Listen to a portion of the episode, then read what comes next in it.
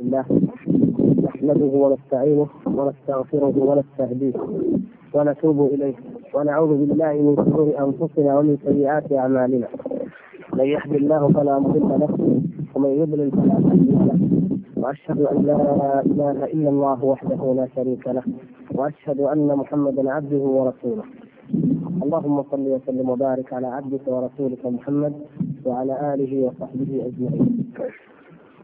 وبعد أيها الأخوة الكرام فنحمد الله سبحانه وتعالى الذي جمعنا جميعا لنتحدث ونتذاكر في موضوع مهم وهو موضوع الساعة وكل ساعة ألا وهو الوقت. نعم الوقت الذي أصبح مشكلة كبرى نحن في هذه الأيام نعاني من آثار ما يسمى مشكلة الوقت. وقد قرأت قبل أيام في أحد الكتب أن الدول الكبرى في العالم أصبحت تعتبر الوقت مشكلة كبيرة وخاصة بعد أن أصبح العمال يطالبون بساعات عمل أقل وبعطل أسبوعية أو سنوية أو موسمية أكثر.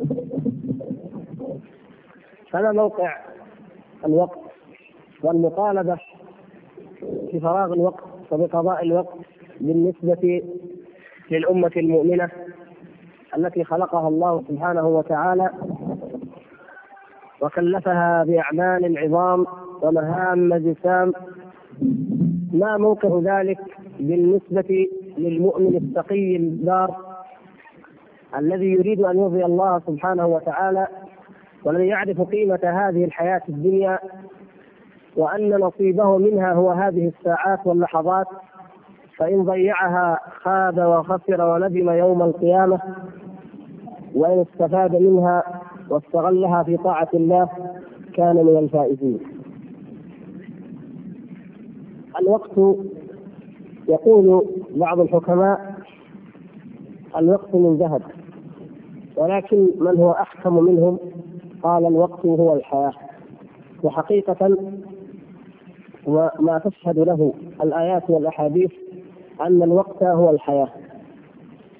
والله سبحانه وتعالى نبه عباده المؤمنين إلى ذلك بتنبيهات عظيمة لا ينبغي لمسلم أن تفوته بل يجب على كل مؤمن أن يتذكرها ليعرف قيمة العمر وقيمة الوقت وقيمة الحياة. ومن ذلك التنبيهات العملية التي يعيشها المسلم كل يوم وهي هذه الصلوات الخمس التي شرعها الله تبارك وتعالى وجعلها على المؤمنين كتابا موقوتا. فالمؤمن أكثر انسان في هذه الدنيا يعرف قيمة الوقت هو المؤمن لأنه أول ما يستيقظ يعلم أن الوقت هو وقت صلاة الفجر. فإذا صلى الفجر فيعلم أنه بعد ساعات سيأتي وقت الظهر. فبماذا ماذا أعمل الآن؟ فإذا جاء الظهر يعد ذلك فاصلا بين وقت وبين وقت آخر. ثم يصلي العصر ويعد ذلك أيضا استقبالا لوقت آخر غير الوقت الذي مضى. فإذا غربت الشمس وصلى المغرب علم أنه قد استقبل ليلة جديدة. ثم إذا صلى العشاء علم أن وقتا قد انتهى وأنه من الآن فصاعدا علي واجبات وأعمال أستفيدها أو أفيدها في الوقت الباقي. وهكذا بهذه الصورة المبسطة التي لا تخفى على أي عاقل فالمسلم أيا كان عمله مهما كان فإنه يرى أن وقته والوقت ما هو إلا هذه الأيام ومجزأ بهذه الطريقة. ثم إن العمر كله والسنة كلها كيف يجدها الإنسان؟ تبدأ السنة مثلا في المحرم والإنسان يعلم ما شرعه الله سبحانه وتعالى في هذا الشهر ويبدأ يعد لعام جديد ثم يستقبل أيامه ويعلم أن هذه الشهور التي جعلها الله سبحانه وتعالى 12 شهرا 12 شهرا في كتاب الله يوم خلق السماوات والأرض منها أربعة حرم. ثم يكون أو يأتي أعظم الشهور وهو رمضان ويعقب رمضان شوال ثم الحج فينتهي العام بانتهاء الموسم ويجد المؤمن أنه ما بين رمضان ورمضان كأنه ما بين لحظة ولحظة. وما بين الحج والحج كأنه ما بين لحظة ولحظة. ولكن بدورة هذه المواسم وبدورة هذه الصلوات في اليوم يشعر المسلم بقيمة الحياة وبقيمة الوقت. تصوروا الأمم التي لا تعرف هذه المواسم والعبادات. لماذا توقف؟ بأعياد نزولها وفسقها وخلاعتها كعيد رأس السنة مثلا. بل إن الأمم الوثنية كما يقول شيخ الإسلام تيمية رحمه الله الأمم الوثنية الهمجية في الهند والصين وبعض أطراف البلاد التي ليس لها دين ولا كتاب لا تعرف الأسابيع لا تعرف الأسبوع ولا الأيام ونحن عندنا بالإضافة يعني لا تعرف الأيام كما نعرفها نحن. نحن عندنا بالإضافة إلى أن الوقت كل يوم مجزأ عندنا يوم في الأسبوع هذا يوم عيد وهو يوم الجمعة ولنا فيه واجبات تختلف. وعبادات تختلف عن الأيام الأخرى. فنشعر بأن اليوم قد مضى لأن الظهر صليناه والعصر صليناه إذا انتهى إذا المغرب جاء فنشعر بذلك. ونشعر بأن الأسبوع قد انقضى لأن صلينا الجمعة انتهى الأسبوع وهكذا. عبادات دائمة. السنة تمر لأننا صمنا رمضان. وجاء الحج إذا السنة انتهت وهكذا. العبادات وهي أركان. أركان الإسلام الصلاة والصيام والحج والزكاة لأنها مبنية على الحول أيضا فنحن نحسب الحول كلها مما يذكر بأهمية الوقت وبأهمية العمر. فماذا يصرف الإنسان وقته فيه؟ الله سبحانه وتعالى أقسم بالعصر والعصر إن الإنسان لفي خسر. إلا الذين آمنوا وعملوا الصالحات وتواصوا بالحق وتواصوا بالصبر. قال بعض العلماء في إقسامه سبحانه وتعالى بالعصر تنبيه لعباده المؤمنين إلى المحافظة على الوقت. وأنك نصيبك من هذه الحياة هو هذا الوقت هو هذا الزمن. ففيما تشغله؟ تشغله بهذه الأربع. وإلا كنت من الخاسرين. عافاني الله وإياكم وعاذنا من الخسارة. نشغل أوقاتنا بهذه الأربع.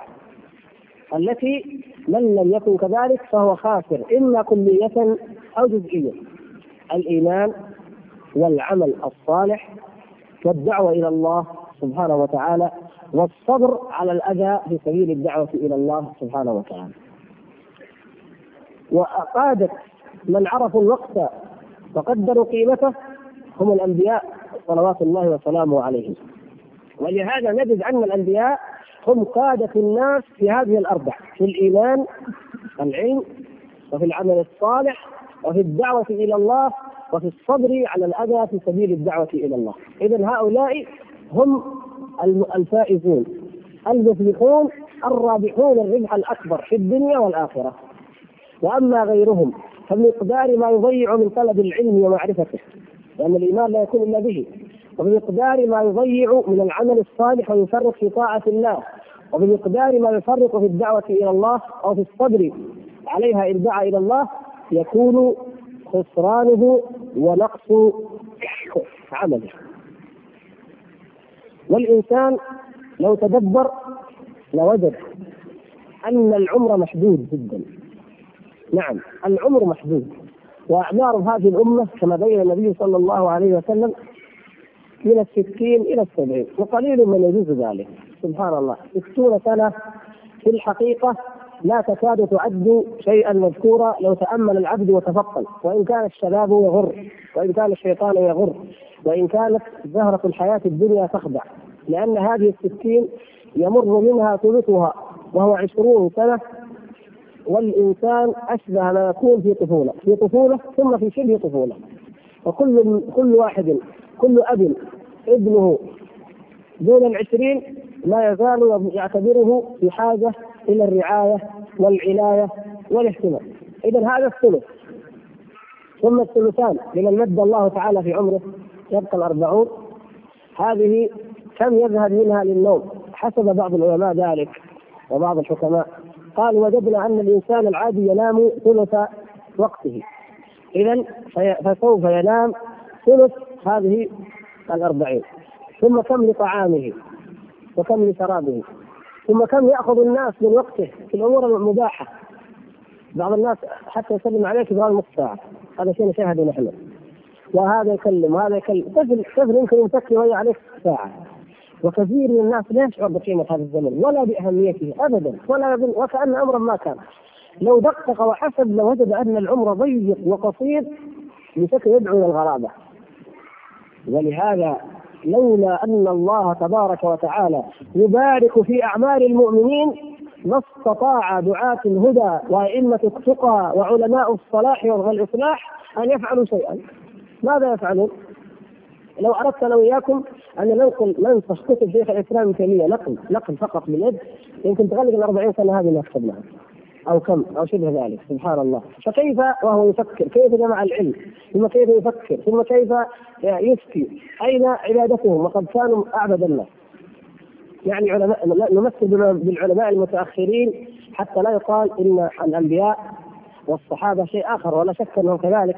لكن نقول القدوة حتى في المتأخرين في عصور الظلمات في عصور الانحراف يمكن أن يوجد ببركة المحافظة على الوقت وأهميته. والنووي رحمه الله وابن الجوزي وغيرهم من الأئمة. كيف كتبوا هذه الكتب؟ شيء عجيب. أحصي بعض ما كتبه بعضهم وجد أنه كراسة، الكراسه 20 ورقة تقريبا، كراسة في اليوم قسمت على ايامه، أين النوم؟ وأين الأكل؟ وأين حقوق الأهل؟ وأين العبادة؟ وأين؟ سبحان الله. البركة. لأنهم عرفوا قيمة هذه الحياة. فسخر الله تبارك وتعالى طاقاتهم وهممهم فتوجهوا إلى أمر واحد.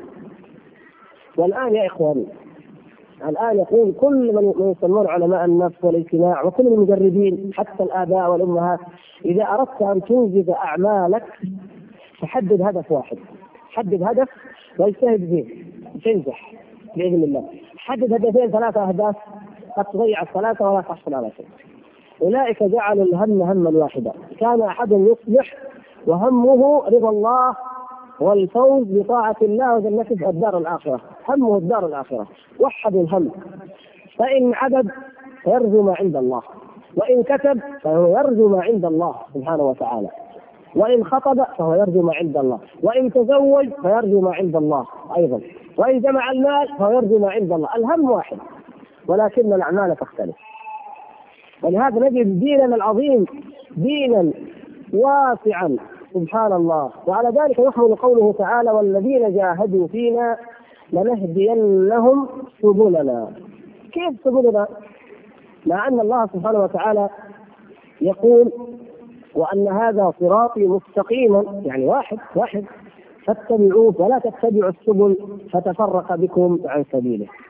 هنا الصراط واحد والسبل التي هي طرق الغواية والضلالة التي على كل طريق منها داعي من دعاة داعية من دعاة جهنم عياذا بالله.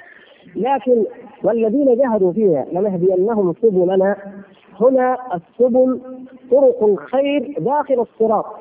الصراط واحد وطرق الخير فيه مختلفة ومن هنا كان تفاوت الناس الصالحين في عمارة الأوقات لأن إنسانا آتاه الله تبارك وتعالى العلم وقته في العلم وآخر آتاه الله القوة ووقته في الجهاد مثلا. وآخر آتاه الله تعالى القدرة على العبادة ووقته عبادة وذكر وهكذا. مع وجود الواجبات المشتركة العامة. لكن من فضل الله سبحانه وتعالى وتيسيره أنه جعل لكل إنسان ما يعمره به من الخير. ومع ذلك هناك كنوز ثمينة غنائم باردة لكل مسلم ولكل مستقل لله سبحانه وتعالى. افرض أنني فلاح والفلاحه أكثر مهنة أكثر الناس في العالم قريبا وحديثا مهنتهم الفلاحة حتى الدول الصناعية الكبرى في العالم تجد أن الفلاحة وتربية الحيوان من أكثر موارد الثروة عندهم وأكثر قطاع من الناس يشتغل فيها تقريبا. كيف أنا وأنا أفلح وأنا أزرع الأرض؟ الفلاحة هذه الإنسان لو حفظ وقته فيها لرأيت العجب العجاب. وهو فلاح. اولا أن يعلم أنني أزرع للآخرة. فأنا في حياه الدنيا هذه أزرع. كل إنسان كل إنسان. ولهذا يقول صلى الله عليه وسلم أصدق الأسماء حارس وهمام حارث كل إنسان هو حارث في الحقيقة. فأنا حارث باعتباري انسانا. وأيضا عملي الخاص في الدنيا هو الفلاحه فاذا ماذا أفعل؟ أنظر إلى هذه الشجرة التي ابذرها كيف أرعاها؟ وكيف أنميها؟ من جهة الدنيا أنمي واسقي وأريد لها أن أن تثمر وأن تكبر لاكسب بعد ذلك بإذن الله وأعف نفسي عن الناس. وهذا حق ومباح والله سبحانه وتعالى بارك فيها وقدر فيها أقواتها وجعل الأرض بهذه المثابه من فضله سبحانه وتعالى. لكن أتذكر كيف ان الفلاح الكنوز العظيمه التي يحصل عليها العلماء ويحصل عليها طلبة العلم طلبة العلم من أين أجني مثلها؟ عندي كنوز أستطيع أن أزرع أين أزرع؟ مع الزراعة الدنيوية أستطيع أن أزرع في الجنة وأنا في الدنيا نعم ونحن في الدنيا لأن الجنة قيعان وغراسها ذكر الله سبحانه وتعالى وأنت تزرع الأرض إذا قلت سبحان الله والحمد لله هذه نخلة في الجنة. التسبيحة نخلة التحميدة نخلة التهليلة إذا أنت تزرع. ومن هنا نقول تعال يا فلاح قارن بين الفلاحتين الله أكبر. كيف نقارن؟ كيف نقارن بين نخل نخلة أزرعها في الدنيا تمضي عليها السنوات الطوال؟ وإذا جاء واحد قال والله هذا النوع ممتاز سكري ما يسمونه هذا نوع ممتاز جدا. يعني إن شاء الله بعد خمس سنوات تأكل منها. يجي لك يعني 20 30 كيلو. والله هذا ممتاز. أشتريها ب 3000 أربعة وأزرع فيها. وأنا مرتاح إني بعد خمس سنوات إن شاء الله سآكل من هذا التمر البني الشهي وما في أحد يقول لك إنك خسران في هذه البضاعة. ابدا. مبسوط. تمام. كل واحد يبارك لك. سبحان الله. طيب هذا ليش؟ هذا الوقت اللي امضيه فيها. وفي سقيها وفي الاعتناء بها. وهذه ثمرتها. وهذه في الدنيا. أين الجنة؟ وأين غراس الجنة؟ الجنة تغرس فيها بمجرد الذكر. غراس الجنة بمجرد الذكر. ولا أسقي ولا أتعب. وأين الجنة لهذا التراب؟ اين من الذي يقارن بين هذه الدار وتلك الدار؟ فيها ما لا عين رأت ولا أذن سمعت ولا خطر على قلب بشر. سبحان الله. أين أنهارها من أنهارها؟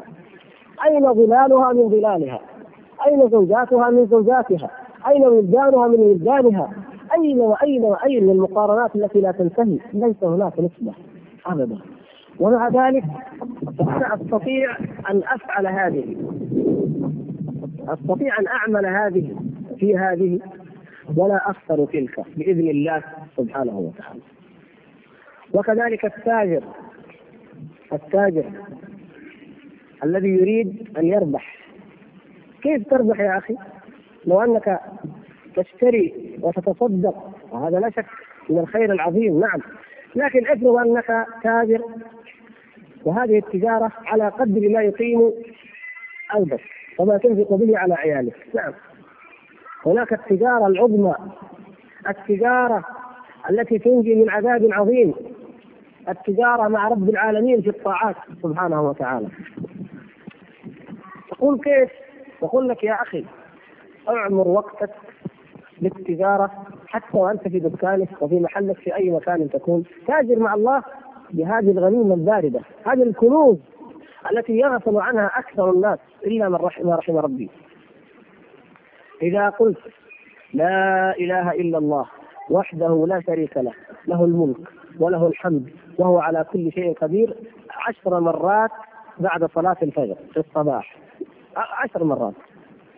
تكون كمن تاجر في كم أو, أو من أتى بكم كمن أعتق أربع رقاب من ولد إسماعيل. أغنى أنواع الرقاب.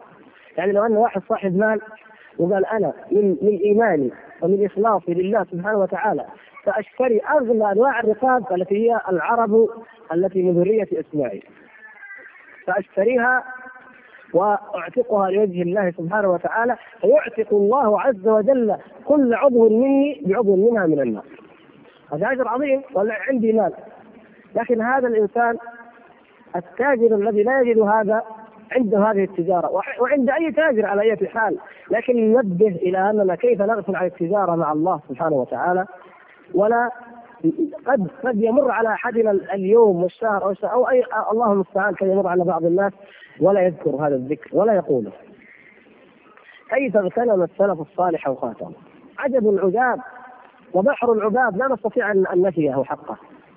كان بعض السلف آه اظن الفضيل الفضيل بن عياض أو لا أبو سليمان الديراني رحمه الله يقول احب أحب ما عندي في الدنيا الليل ولولا الليل لولا الليل لما افست على شيء من الدنيا وإن الله سبحانه وتعالى ليعطي أو قال وإن أهل الدنيا لم يفتهم شيء أو لم ينالوا شيئا من لذة أهل الجنة إلا ما ما يجده أهل العبادة في الليل.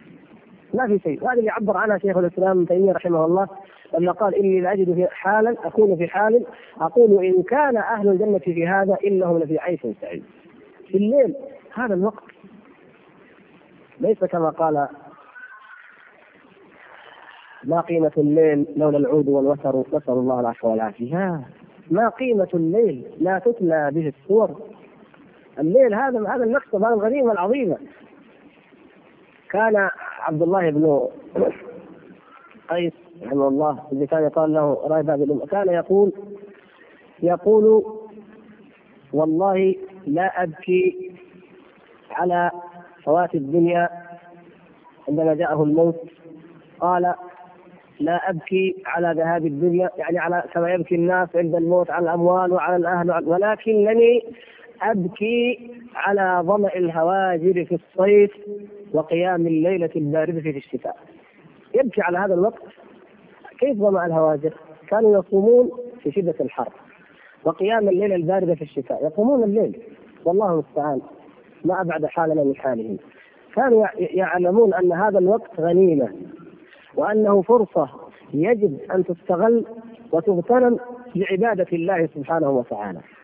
ولهذا ما كان يفوت أحدهم شيئا من وقته، ما كان يفوت أحدهم شيئا من وقته ابدا. كان إما طاعة، إما عبادة، كله عبادة، كله طاعة، إما صلاة وإما قراءة وإما ذكرا وإما تفكرا. فلا يخلو المؤمن من الفكر أو الشكر أو الذكر. الفكر هذا شيء عظيم. يغفل عنه كثير من الناس. ألا ترون نحن في هذه الأيام التي تسمى العطلة والتي نعطل فيها كل شيء حتى أن البعض قد يعطل الجمعة والجماعة ويعطل كل وربما يعطلون الصلاة عياذا بالله لأنها عطلة ويسمونها عطلة. لا هذه حتى لو أن إنسانا أراد أن يذهب إلى بلد آخر أمامك فرصة عظيمة لاغتنام الوقت. تفكر في آيات الله تفكر بمخلوقات الله تفكر بملكوت السماوات والأرض. هذا البحر أليس فيه ما يثير العجب العجاب عند المؤمن؟ هذه الكواكب هذه النجوم. لو تفكر الإنسان هذا التفكر يا إخوان هذه هذا من صفات المتقين في الذروة أولو الألباب الذين يذكرون الله قياما وقعودا وعلى جنوبهم ويتفكرون في خلق السماوات والأرض. ربنا ما خلقت هذا باطلا. سبحانك فقنا عذاب النار. سبحان الله. كيف هذه النجوم؟ كيف هذه السماء؟ كيف الليل والنهار؟ عجب. فأنت تذكر وأنت تنظر. تقف مع الناس كلهم ينظر إلى البحر. أنت تنظر. ولكن شتان والله بين ناظر وناظر. ترى الحيوان والمخلوقات ولكن شتان بين ناظر وناظر. هذا ينظر في السمكة ثمينة تصلح للأكل طويلة مثلا أما الآخر فينظر ويجد عجائب خلق الله. سبحان الله. سبحان الذي جعلها تعيش في الماء وأنا أعيش في الهواء. سبحان الله العظيم. ويعلم أنها تسبح الله. هذه تسبح الله. هذه الحيوان كله حتى الصغار الذي لا مكان نراه منه في من البر والبحر كله يسبح الله. سبحان الله. ولكن لا تفقهون تسبيحه نحن ما نفقه لكن نسبح الله. ونحن غافلون. لاهون عابثون نضيع الأعمار. نضيع الأوقات. ونقول نتفسح ونتنزه وما في شيء. وما في شيء. وبعدين نطيع الله. وبعدين نتقي الله. طول الأمل أكثر ما خافه السلف الصالح هو هذا. طول الأمل. ومن هنا كان أحدهم يقول والله إني لأصلي الفريضة فلا أنتظر ما بعدها. ولماذا خشعوا في صلاتهم يا إخوان؟ لماذا؟ لأن المصلي منهم الواحد منهم كان يصلي صلاة مودع لا ينتظر أن يصلي ما بعدها. كان هذه هي الأخيرة فيخشع. والثانية هذه الأخيرة فيخشع. فكان العمر كله خشوعا وعبادة لله سبحانه وتعالى. ما هناك طول أمل؟ طول أمل عجيب عند بعض الناس. أخبرني أحدهم أحد من طلع قال جاء أحد التجار لشركة يتعاقد معها. فتعاقد شركة كافرة المهم على بناء مصنع من المصانع.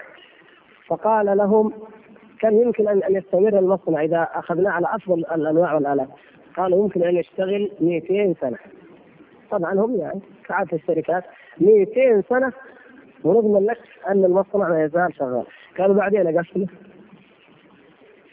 الإنسان يا أخوان ينسى ينسى. كم عمرك 60 80 فكر كم باقي تعيش لكن يفكر إنه فعلا بعدين إيش أسوي؟ لأن لأن طبيعة الله سبحانه وتعالى نعم أودع فيه الإنسان حب هذا حب أن لنا نحب التراث حبا جما لا شك وإنه الحب الخير لشديد لكن لكن يا يا ابن آدم ماذا يشبعك من هذه الحياة الدنيا؟ ماذا يمتعك بهذه الحياة الدنيا؟ ماذا يكفيك؟ ولهذا قال بعض السلف إن نصف الورع قال نصف الورع ونصف العلم. في حديثين. قال أما نصف العلم فهو في ماذا؟ من حسن إسلام المرء تركه ما لا يعنيه. وأما نصف الورع فهو في دع ما يريبك إلى ما لا يريبك. طيب كيف كيف يكون؟ أنا حقيقة لما قرأت هذه العبارة قلت عجيب يعني لا شك أنهم أفقه منا وأسبق منا إلى كل خير، لكن ماذا يريد؟ بكون دع بكون قوله إيش الحديث؟ من حسن إسلام المرء تركه ما لا يعنيه كيف يكون نصف العلم؟ العلم. لو كان قال المحافظة على الوقت. كان يمكن لكن يتحدث عن الوقت وجاء بها في باب أنه نصف العلم. قلت نعم لا شك أنه لا بد ان لهم حكمة. نعم. ليش؟ لأنك لو شغلت وقتك وأفضل ما يعمر به الوقت هو طلب العلم. لو أننا شغلنا أوقاتنا جميعا لحصلنا العلم بإذن الله سبحانه وتعالى. يعني خير ما يشغل به الأوقات هو العلم. والوقت كله لو جعلته وحصرته في العلم فأنت في أفضل ما يمكن. العلم الذي يورث الخشية والعمل والتقوى. أن يكون الإنسان عالما بالله وعالما بأمر الله سبحانه وتعالى كما قال سفيان رحمه الله.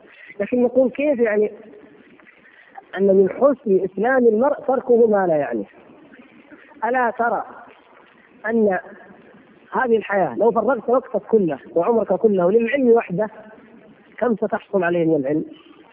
ليس ما تريد بل أقل منه. خذ هذه القاعدة معك. من حسن إسلام المرء تركه ما لا يعنيه لو طبقتها كم توفر من الأوقات؟ فاذا فكانك كأن كثيرا أو أكثر الناس في الحقيقة نصف العمر فيما لا يعنيه وكل واحد منهم ينظر لنفسه نصف وقتك فيما لا يعنيك. لو أن النصف هذا سلم لك لسلم لك نصف العلم. فلو علمت هذا وطبقته وتمثلته بنفسك لكنت فعلا حائزا على نصف العلم والنصف الآخر لديك. حتى العلم له فضول يا إخوان. حتى بعض المسائل. من واقعنا. أنا اضرب لكم مثال من واقعنا. يأتينا العالم من العلماء الذين وقتهم ثمين جدا جدا. لأنه لو لم يأتنا في هذا اليوم مثلا إلى جدة لا نفع الله به في بلد آخر لافتى فتوى تقيم الإسلام أحيانا. بعض الفتاوى تقيم الإسلام في بلد شيخ الإسلام ابن تيمية لما أفتى في التتار هبوا للجهاد من أطراف الدنيا. يعني أوقاتهم ثمينه جاءونا. نحن نضيع عليهم أوقاتهم فيما لا يعنينا. الأسئلة مكررة ومعروف رأيه فيها من قبل أن نولد ما فيها جديد. وكلام ما في جديد. وقضايا مهمة جدا لا تعرض عليه ولا يعرفها. فأضعنا أوقاتنا وأضعنا أوقات العلماء، اذا لو لو لو كنا نعرف نصف العلم ونطلبه لكان أن نترك ما لا يعنينا. فضول. أكثر أكثر الناس يأتيهم الشيطان وطلبة العلم من باب الفضول حتى فضول العلم حتى فضول المسائل. ولهذا كان السلف الصالح لا يتكلمون إلا فيما وقع. لما قال ابن عمر رضي الله عنه قال أن أرأيت لو أن رجلا قال أقد وقع ذلك؟ قال لا قال دع أرأيت باليمن. ما في عندنا أرأيت. وقع؟ اسأل. ما وقع؟ إيش معنى أرأيت؟ طيب لو واحد سوى وطيب لو كان وطيب لو ما ما وقع شيء من هذا. اشغل وقتك الوقت؟ ثمين والعقل هذا الذهن أو هذه الطاقة التي أعطاك الله سبحانه وتعالى محدودة. والعمر محدود. والواجبات أكثر. تعرف ذلك يا أخي. وأحب أن ننتقل إلى قضية مهمة جدا نغفل عنها كأمة في مجموعنا وهي مسألة أننا لو حافظنا على أوقاتنا لكنا نقود العالم كله وهنا سر عظيم لا يدركه إلا المؤمنون كيف يقول يقال كيف ذلك؟ افرضوا أن المسلمين عشر ملايين الذين استقاموا استقامة إن شاء الله على الحق مثلا العشرة الملايين فرضا هؤلاء يستطيعون أن يقودوا العالم كله. بل أقل من ذلك لكن نحن لأن في آخر الزمان نكسر الملايين. أما في عهد الصحابة رضي الله تعالى عليهم كان العدد أقل. وقادوا العالم وسادوا العالم ونشروا الخير في شرق الدنيا وغربها. بهذا السبب عرفوا حق الوقت. عرفوا كل وقت عبدوا الله سبحانه وتعالى فيه بما يناسبه. فأعطوا كل وقت حقه. أعطوا الصلاة حقها وأعطوا الأهل حقهم وأعطوا الجهاد حقه وأعطوا الأمر بالمعروف والنهي عن المنكر حقه. ففي العمر هذا المحدود فتحوا العالم. نابليون بولس ذهل قال هؤلاء فتحوا نصف العالم في نصف قرن. كيف هذا؟ فتحوا أكثر العالم؟ في أقل من خمسين سنة.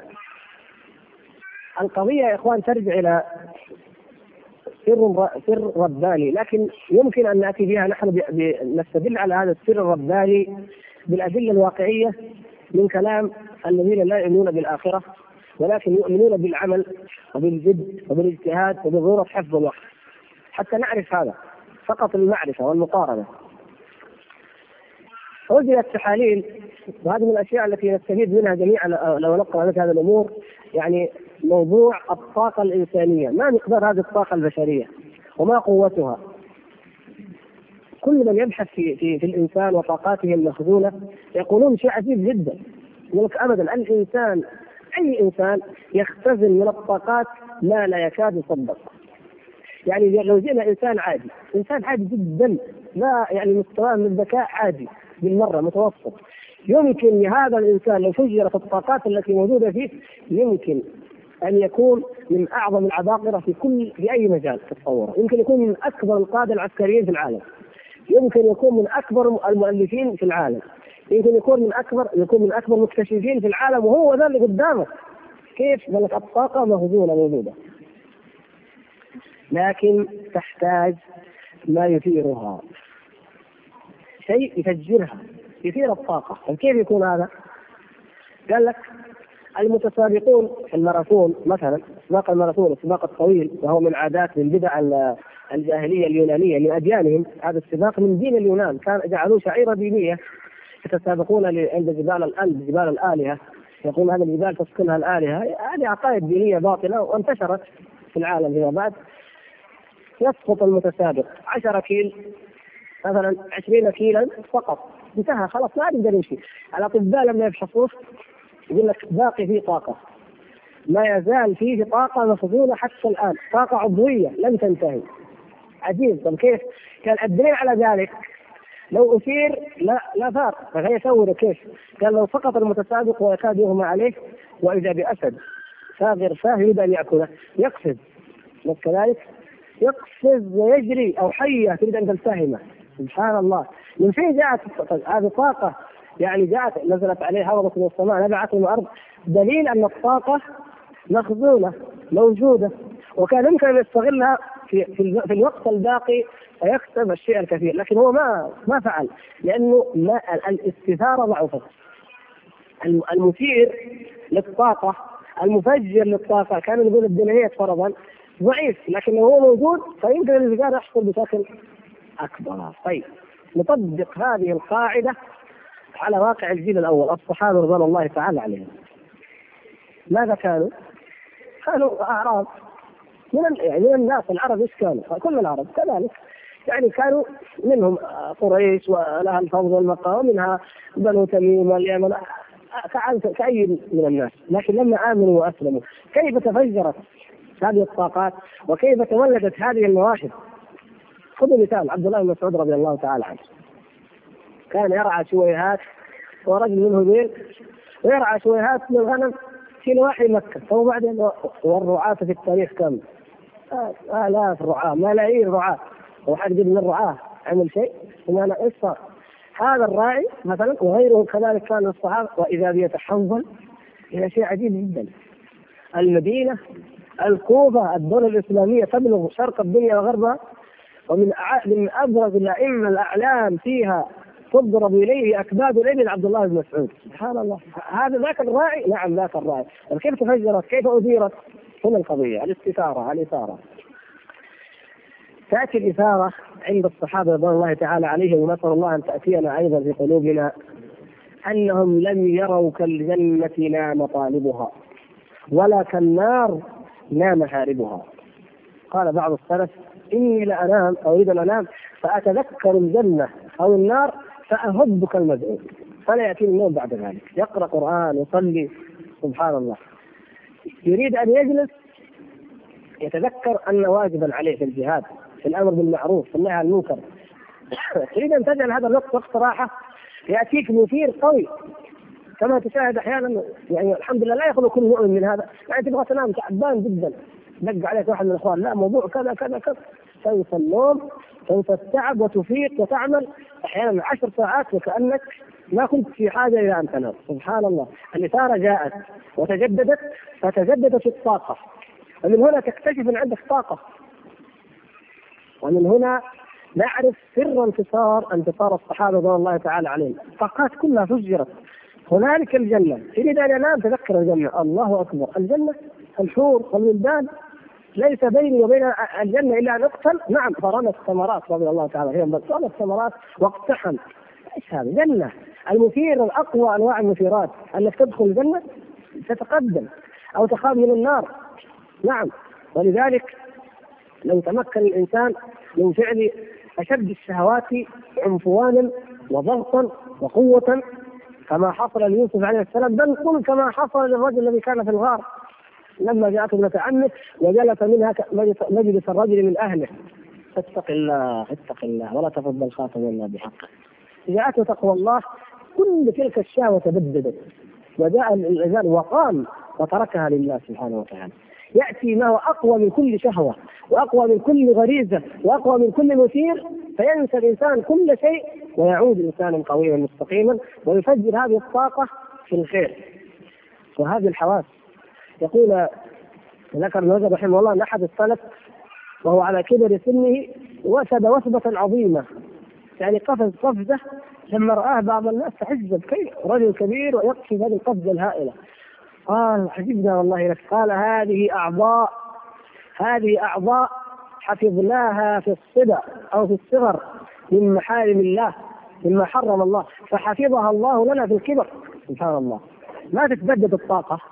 الطاقة ما تتبدد موجودة. النظر هذا طاقة. جعله الله سبحانه وتعالى. ركز نظرك ركز ذكرك تجد العجب العجاب بدد الطاقة هذه. جيب بترول بدده على الأرض. ما حد يستفيد منه. ضعه في سيارة وشغلها تمشي السيارة في طيارة تمشي بإذن الله.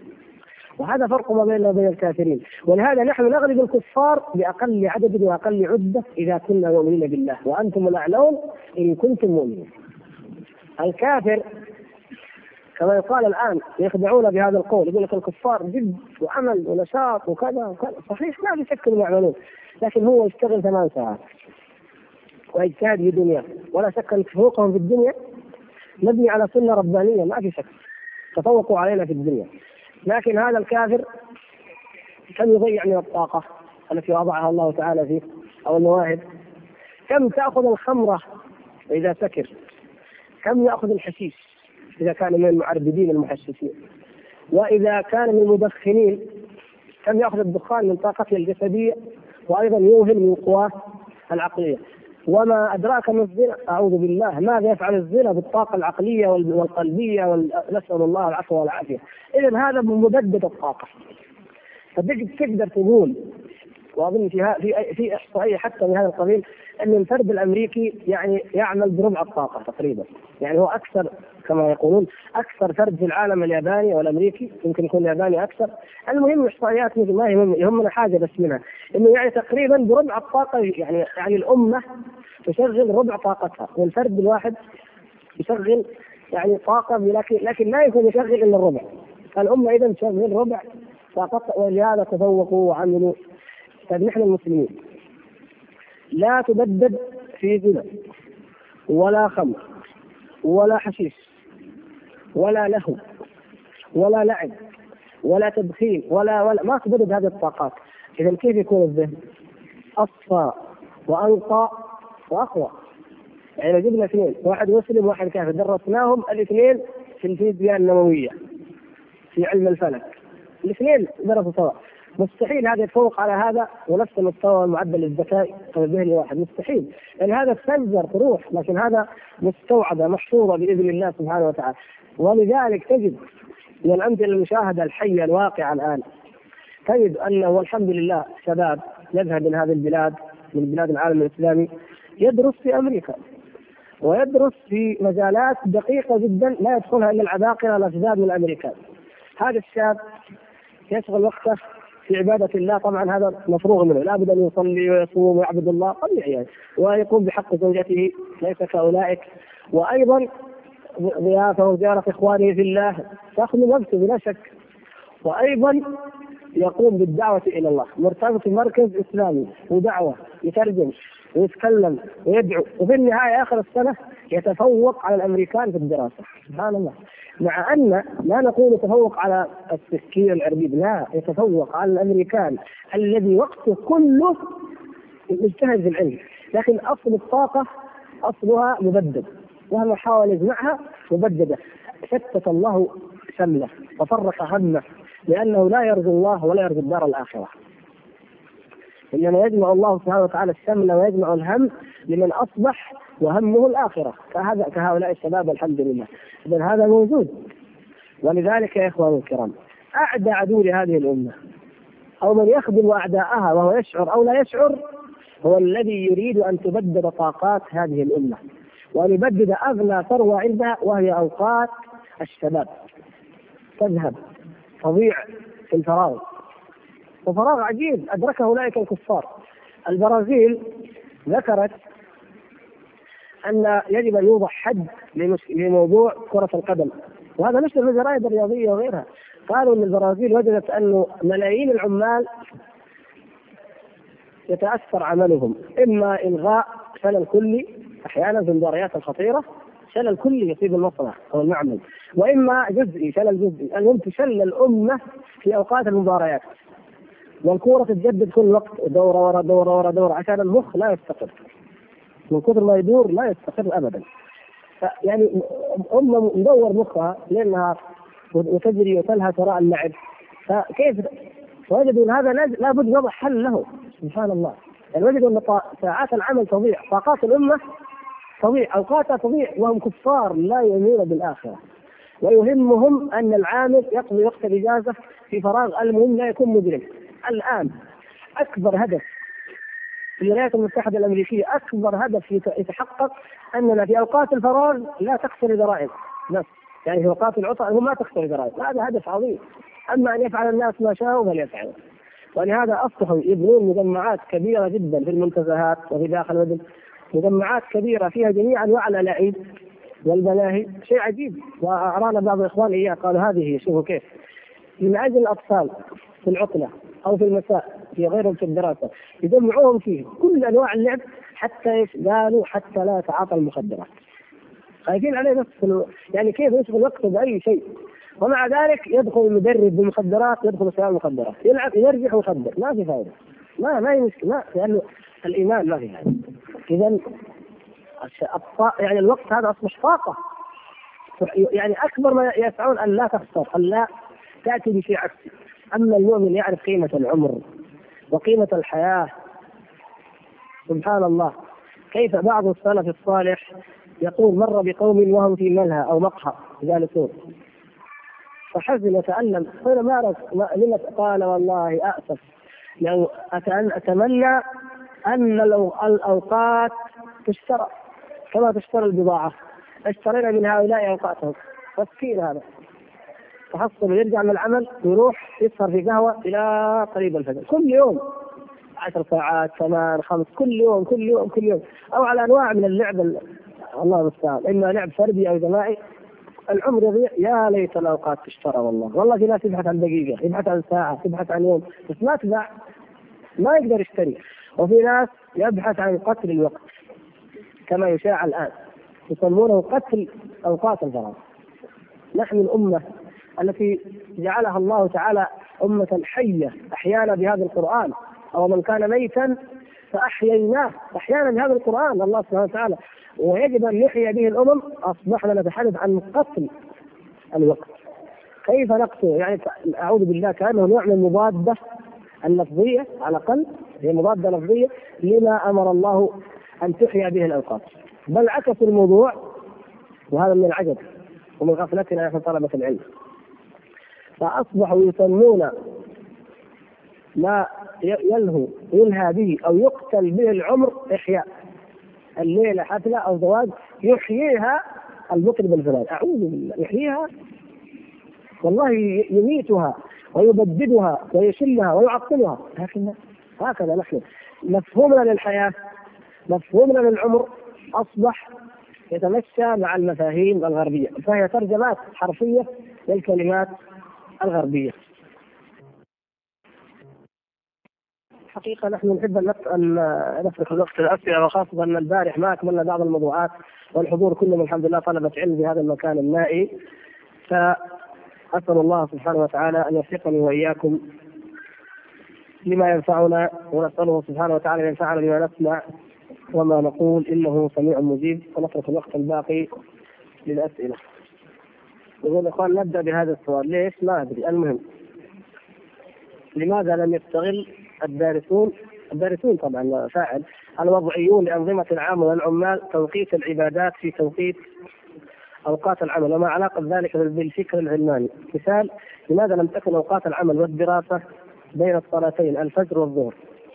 وهذا المفروض أذكر لما كنا في الجامعة الإسلامية وكان الشيخ بن باز حفظه الله هو رئيس الجامعة ففي رمضان قالوا معقول إحنا نصير زي الدوائر الأخرى نداوم من يعني نبدأ من تسعة أظن أو من عشرة إلى الساعة ثلاثة شيء ما معقول.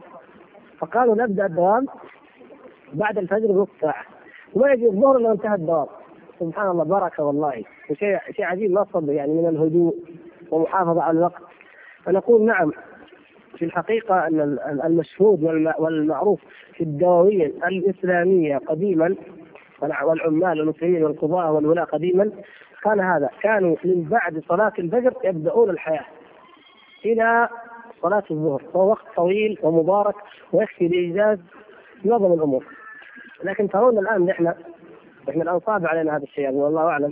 لكن الظهر في أثناء العمل ويضيع ساعة من أجل بحجة الصلاة والله أعلم إيش إيش من يصلي ومن يضيع في الصلاة المهم ما هو ضياع في الصلاة حياة لكن هو يضيع الوقت.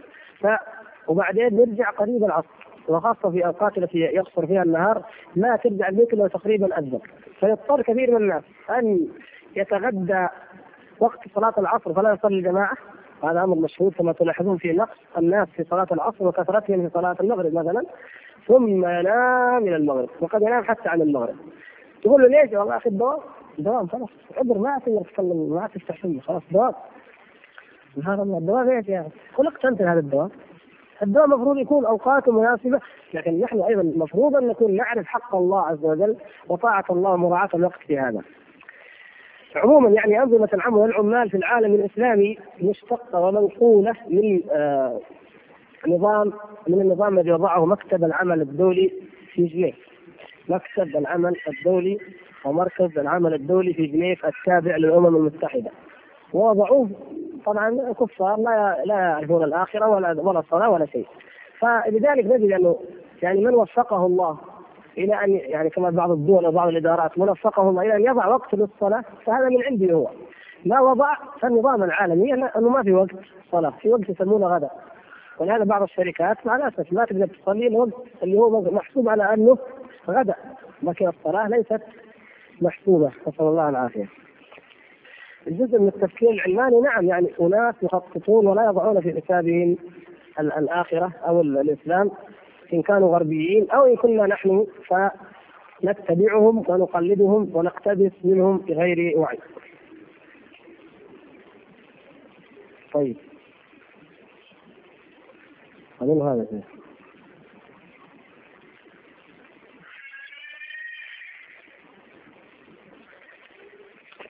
الأخ يقول نرى الغرب الكافر يحرص على وقته ولا ولا يفرط فيه ونحن المسلمين تضيع أوقاتهم آه، بينما المسلمين تضيع أوقاتهم سدى. هل لليهود دور في ذلك؟ الله الدور للقلوب الضعيفة. اليهود ما غصبونا ضيعوا ذاتنا لكن اليهود يستغلون الأحداث مثل ما تحدثنا البارح ولا يصنعونها يعني اليهود وجدوا أمة لاهيه تحب اللهو الهوى. أمة ما تقبل اللهو كيف يلهيها اليهود؟ افرض أنهم عملوا أفلام مجلات أي شيء. ما حد اشتراها يطبعوها أحيانا يوزعوها مجانا وهذا يحصل أيضا. لكن برضه ما حد يهتم فيها. تموت. لكن لما يجد الأمة تحب اللهو تحب اللعب تحب المباريات. ولذلك كتبوا في في البروتوكولات لا بد من تشجيع المباريات والفنون وإلى آخره لأنها تلهي الأمميين أو الأميين تلهيهم وتشغلهم. ويخطط اليهود في غفلة هؤلاء الأميين عما يراد بهم. فالمشكلة أن نحن نضيع أوقاتنا. والغرب الكافر لا يضبط أوقاته. لا يظن كما يظن بعض الناس يضبط أوقاته بمعنى أنه حريص وأنه لا. هو المشكلة ما هي ما هي عملية الضبط يا إخوان. المشكلة يضبط وقته لماذا؟ لأي شيء ونحن نضيعه لأي شيء. هنا السبب. يعني الإنسان الغربي يضبط وقته ليؤدي العمل وهو عمل دنيوي قد يكون ضارا. ويضبط وقته ليذهب إلى الملهى أو المرقص أو الخمارة. يعني لابد أوقات معينة يعني يعربد واوقات معينة ينام. فالعبرة ما هي إنه يضبط الوقت العبرة الهدف الدافع وراء ضبط الوقت. ولهذا هم استفادوا من هذا الجانب في دنياهم لأن الضبط أو المحافظه على الوقت تفيد في الدنيا لا ريب. وخسروا أخلاقهم وخسروا آخرتهم بلا ريب. لكن في الدنيا خسروا الأمن والراحة والطمأنينة لأن هذا الضبط لغير الله ولغير الخير. أما نحن المسلمين فنحن نضيع الأوقات كما ذكر الإخوان ولا نضبطها لكن مهما كان أقول مهما كان المسلم على الأقل المصلون والذي لا يصلي في الحقيقة ليس المسلم لكن يقول المصلون هم اضبط من الغربيين إن شاء الله وأحرص منهم على الوقت حتى لا تكون المقارنة بشكل يعني أذكر مرة آه جاءنا هو الجامعة الإسلامية لكن الآن ناسي اسمه لكن زارنا في الجامعة شاعر أمريكي كان من شعراء الهيبز فجاء واسلم الحمد لله. وقال لنا الجامعة الاسلاميه وقلنا كيف إيش إيش سبب إسلامك؟ قال رحت في شركة أو تبع شركة إلى اليمن وهو هيبز صايع مرة يعني. اخترت اليمن لما بلغني أنها ليس فيها أي أثر للحضارة الغربية خاصة ذاك اليوم يعني. يعني في أوائل يمكن 92 93 هجرية الله أعلم.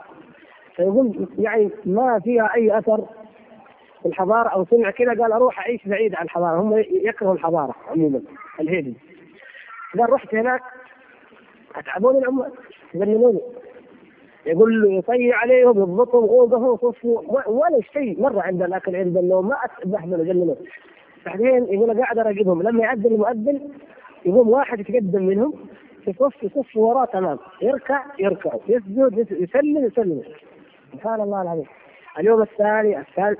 أنا قلت بصراحة قلت المترجم قل لهم أنتم أمة غريبة جدا. كلكم كل شغلكم فوضى. كل حياتكم فوضى إلا الحاجة دي الدقائق دي. إيش الفكرة هذه؟ قال ها هذه اسمها صلاة. صلاة؟ إيش الدين هذا؟ قالوا هذا الإسلام. قال والله إذا كان الإسلام يهبطكم أنتم همج بهذا الشكل فانا اسلم اسلم صحيح.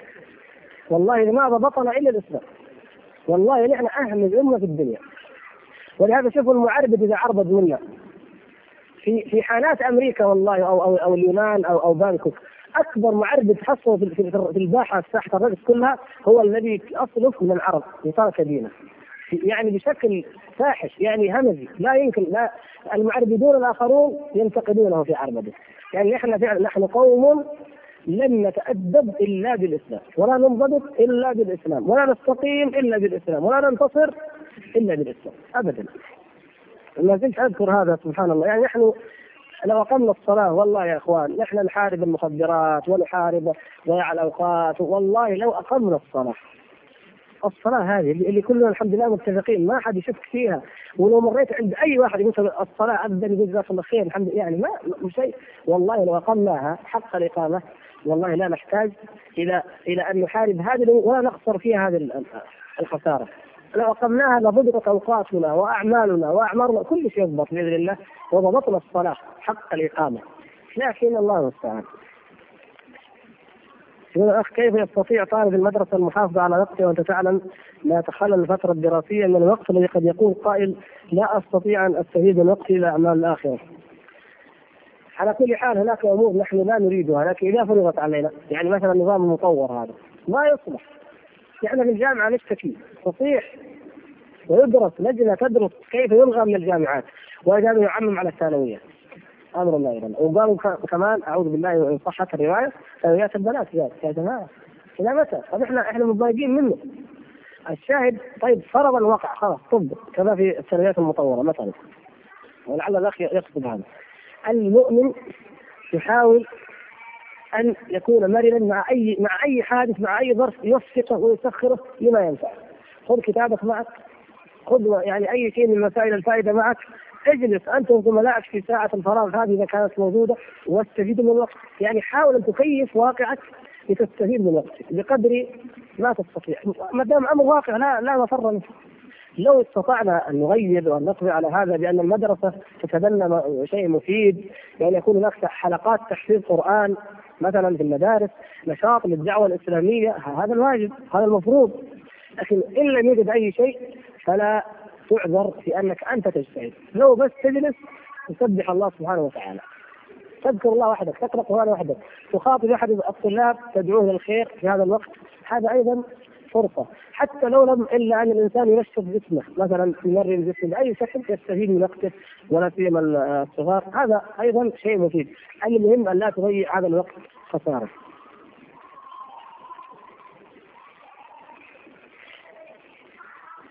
هذا الأخ آه، جاء البارحة السؤال جاء البارحة لكنه ما له علاقة لعل له علاقة اليوم. يقول أنا شاب هداني الله بعد الضلال واعاني من مشكلة وهي أنني أذكر الموت كثيرا. وعند ذكري له فإني أبقى في الفراش وأشعر بتكاسل وخوف شديد فلا أستطيع عمل أي شيء وإني أخاف الانتكاس.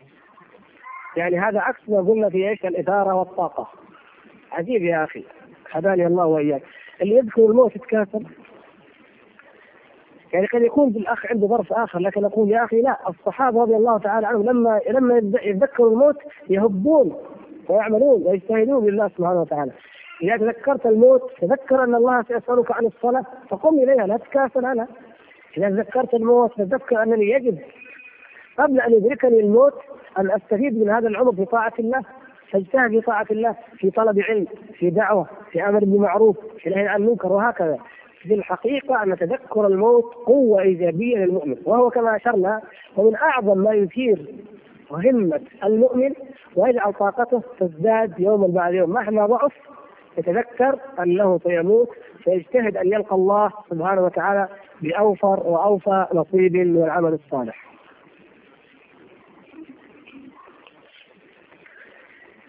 تواجهنا صعوبات كثيرة في استغلال وقتنا عند الاجتماع بالاهل والإخوان في الحفلات والعزائم مثلا ويكثر في ذلك الجلسات الكلام غير المفيد ما هو الحل؟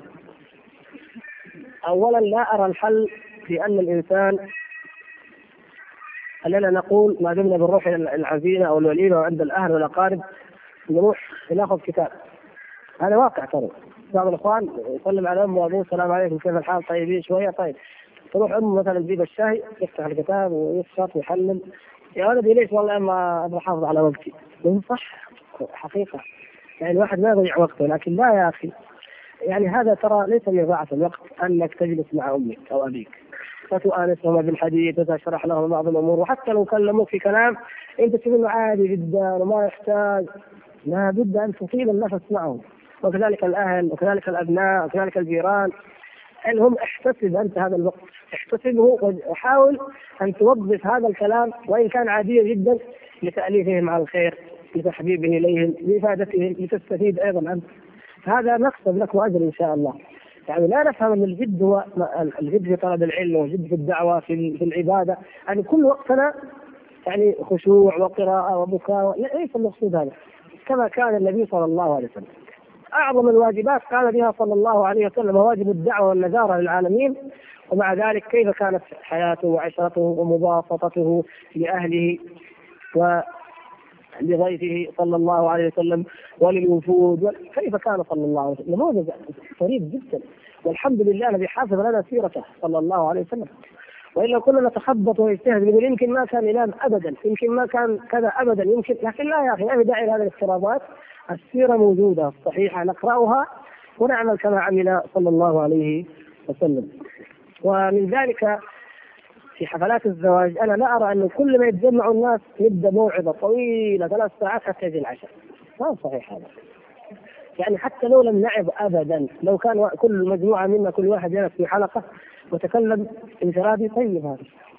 واحد تكلم كلمة خفيفة لا بأس. واحد جاب شيء يعني مرة ما جبنا شيء لا بأس. لا لا نجعلها شكل واحد معين فنتعب ونتعب ونمل ونمل. الأخ يقول حبه الله آه، قال في أحد المدارس الشرعية. أشتكي من النسيان. فقد نسيت دروس الترم الأول مع بعض الأجزاء من القرآن حيث أني ما أحفظه بالأمس أنساه اليوم. فدعت الإجازة على ستة مواد وعلي ستة مواد شرعية أريد مراجعتها. ولكني أؤجل إلى غد حتى هذا اليوم وأنا لم آه، أنتهي من كتاب. فما سبب النسيان للمواد الشرعية والقرآن؟ وماذا تنصحني في استغلال وقتي؟ إما أن يكون النسيان هذا لأسباب تتعلق بتفريط من الأخ أو أنه من الله عز وجل. يعني وكل شيء من الله طبعا لكن نقول يكون في سبب مباشر له وهو بعض الناس لا يذاكر ولا يهتم ولا يقرأ ومثلا يضيع وقته ويلعب وكذا وإذا حفظ السورة من القرآن ما يراجعها وبعدين يقول نسيت وما افتكرت. حتى لو درست وفهمت الفصل الماضي يعني كل شيء له طريقته. آه، فرق يا إخوان بين الحافظة وبين الذاكرة، يعني أنت قد تحفظ الدرس أول ما يشرح المدرس حفظته تمام، لكن ما راجعته فلا تتذكره. قد في وناس عندهم حافظة ولكن ليس عنده ذاكرة، وناس عنده ذاكرة وما عنده حافظة، يعني يحفظ ببطء شديد. ثم إذا حفظ ما شاء الله، يعني أول ما يبدأ لكن عنده الذاكرة قوية يتذكر. وفي ناس عنده ذاكرة وحافظه وناس لا هذه ولا ذيك الله المستعان. أي نعم. لكن يقول يعني الله تعالى جعل الناس واحد. إن كان عندك أنت موهبة لكنك ما تذاكر ما تستذكر لا يا أخي. لا تقول والله أنا فهمته بعدين نسيته ليش؟ تذكر.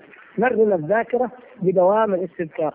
وحياة العلم مراجعته ومذاكرته. أما واحد يقول لك لا والله أنا أقرأ أراجع وأروح البيت. وما أفهم. نقول يا أخي كما قال يقال إنه الاصمعي أو المهم واحد جاء إلى الخليل بن أحمد وقال أريد أن أتعلم العروض. طيب قطع أعطاه الابيات قطع أول يوم ثاني يوم ما فهم شيء ما في. قال له الخليل قطع هذا البيت. إذا لم تستطع شيئا فدعه وجاوزه إلى ما تستطيع. فقطع الدرس ومشى. قال أنا ما في فائده إذا لم تستطع شيئا فدعه. يعني إذا كان الله تعالى ما أهلا يكون طالب علم ما في داعي أروح أو أقعد أحفظ وأنسى كل يوم. يمكن أكون أهل أكون عامل نشيط مثلا آه، مهندس ميكانيكي أي شيء يعني أشتغل فيه. من الأشياء اللي ما يبغى لها ذهن يعني يكدر كثير. ويعني لا يكلف الله نفسا إلا وسعها لا يكلف الله نفسا إلا ما أتاها. أما إرغام النفس على ما لم تخلق عليه هذا ما يصلح. لا ما يمكن يؤدي إلى نتيجة.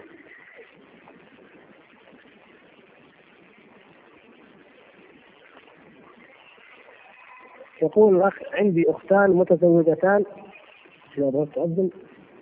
طيب. عندي أختان متزوجتان برجلين لا يصليان لا حول ولا قوة من أكثر قاربي لا يصلون. وأكثر قاربي لا يصلون. فكيف يكون موقفي مع العلم بأني نصحت أزواج أختي؟ جزاكم الله خيرا. ما ذكر الأخ هل نصح الأختين؟ وهل الأختين تصليان أم لا؟ لأنه إن كان إن كانت الزوجة لا تصلي والزوج كذلك لا يصلي فالله المستعان. هذه شغلة ثانية. لكن إذا كان الزوج يصلي والزوجة لا أو العكس هنا يقع يعني إنه كيف كيف تبقى مسلمة في عصمة كافر؟ أو كيف يرضى كافر ببقاء عصمة مسلمة؟ يعني هنا الخلل. فلذلك نقول على أي حال كان الأمر لا بد من بذل النصح والإجتهاد معهم في الدعوة إلى الله سبحانه وتعالى وإلى إقام الصلاة. ولا تقطعهما. اجتهد بالنصيحة. وهذه حياتنا يا إخوان. هذا عملنا. دعوة. كثير من الخلق يرفض وقليل يقبل. وإن قبل أحد نخسر. وما قبل أحد فنقول ما خسرنا أيضا نحن الحمد لله. شيء فيعني هذا عملنا. لا نيأس ولا نقنط ولا نتخلى عن هذا الواجب ولا نهجر الناس بمجرد يعني أننا لم نستطع أن ندعوهم إلى الله إلا بعد أن نستنفذ ونرى أننا استنفذنا كل ما نستطيع. والله سبحانه وتعالى يتولى أمرنا وأمرهم. وكثير من الناس لا يسمعك الآن ويهديه الله الله تعالى بعد اعماد بعد أعمار بعد سنين ولو على كبر. فلا تستخسر انك تلقي إليه الخير الآن. لعله يتذكره يوما ما. ولو عند الموت عند الغرغره يتذكر ويتوب ويشهد أن لا إله إلا الله ويتمنى أن مثلا قبل ان يغرغر يعني أتمنى ان, أن لو عوفيت لا أعبد الله وأصلي فقد يموت على خير مما لو مات وهو يعني مستحل بترك الصلاة نسال الله العفو والعافية. طيب تفضل. أخي يقول هل تكون الألعاب المباحة مضيعة للوقت الألعاب المباحة هل تكون مضيعة للوقت؟ النبي صلى الله عليه وسلم يقول كل لهو يلهو به المرء باطل فهو باطل إلا ثلاث ملاعبة الرجل أهله وفرسه وسلاحه فهو يعني رميه بالغرض. فإنهن من الحق هذه من الحق. وأما ما عداها فباطل. والباطل قد يكون حراما وقد يكون مكروها لما يشتمل عليه من عدم التفرغ إلى الحق. المهم أنه في ميزان ليس في ميزان المكسب بل في ميزان الخسارة فإن لم يكن هو خسارة وتجارة خاسرة في ذاتها فأقل ما فيه أنه أضاع الوقت عن المتاجرة الرابحة. ومن هنا وتطبيقا لذلك وايمانا بأهمية الوقت والحياة كانت حياة السلف الصالح النموذج الواضح في هذا وإنما يعني في في المحافظة على الوقت من اللهو واللعب. ولكن كيف كانوا يفعلون؟ كانوا كما قال معاذ لأبي موسى كما في الصحيح أما أنا فأنام فأصلي وأقوم وأنام وأحتسب في نومتي كما أحتسب في قومتي. يعني المؤمن لا يضيع أي شيء من وقته لكن ما كان من وقتك ليس في صميم الجد فهو للترويح عن النفس لتقوى على هذا الجد. ولهذا قال بعض السلف قال في مثل هذا الموضع إن النفس النفس كالدابة. هذا البدن البدن مثل الدابة. فإن أجهدت الدابة أجهدتها سرت بها ثلاثة أيام ورا بعض يومين ولم تطعمها ولم تريحها نفقت هلكت ماتت ولم توصلك إلى المراد. وإن وارفقت بها وخففت وأطعمتها وصلت بإذن الله سبحانه وتعالى. فلا بد من شيء مما يستجم يستجم به المؤمن ويستعين به على الطاعة. لكن لا يكون في حرام ولا في لهو ولا لعب. بل الله المستعان. يعني بعض من وفقه الله سبحانه وتعالى للخير وفي سير السلف الصالح نماذج لذلك. يقول إذا أظلمت علي الأمور وكثرت علي الهموم أذهب إلى المقابر. واحد قبل أيام كان يحدثني قال إذا كثرت علي الهموم جدا ومشاكل أذهب المقابر. أزور المقابر وأرى أحوال واعتبر سيذهب الهم كله. سبحان الله. هذا موفق للخير إن شاء الله. والآخر يتفكر في المخلوقات. يبغى يتفسح يضيع زعل كما يقول.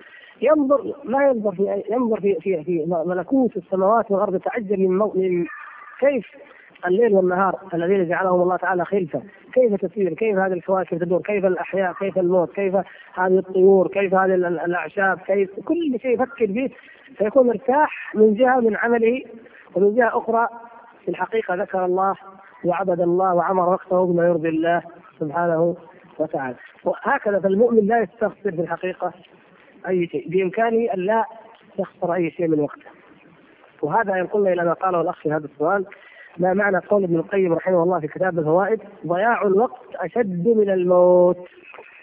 لأن ضياع الوقت يقطع عن الله والدار الآخرة والموت يقطعك عن الدنيا وأهلها.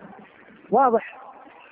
إذا مات الإنسان وهو متقي مؤمن من المتقين فإنه ينقطع عن الدنيا وأهلها. سبحان الله. ومن ومن يجاور الملأ الأعلى ويترك هذا الملأ خسران هذا ربح فاز وكل الناس هالك وميت وراحل. لكن هو رحل من هذا الملأ إلى ملأ الملأ الأعلى. من هذه الدار إلى دار القرار والنعيم الحمد لله. إذا ما هي خسارة؟ لكن المشكلة ضياع الوقت في غير طاعة. لأنه يقطعك عن الله وعن الدار الآخرة. ولهذا تجد الذين يضيعون أوقاتهم في اللهو واللعب ويتركون الطاعات تجد قلوبهم قاسية مطبوعا عليها مختوما عليها. تجد أحدهم حمارا بالنهار زينة بالليل. ويمكن الآن عكسوها شوي يعني صار حمار بالليل. والعياذ بالله الناس الآن أكثر أوقاتهم. ما يقضي المهم الوقت الحمار حمار في وقت يقظته وجيفة وقت نومه. والعياذ بالله. لأنه لا مقطوع مقطوع عن الله سبحانه وتعالى. ذكره بالله. قل اتق الله. قل أي شيء ما يقرب من الله مقطوع الصلة بينه وبين الله. ولهذا هذا ميت. ليس من مات فاستراح بميت إنما الميت ميت الأحياء الذي حي بالشعور والإحساس ولكنه ميت القلب والإيمان. نسأل الله العفو والعافية.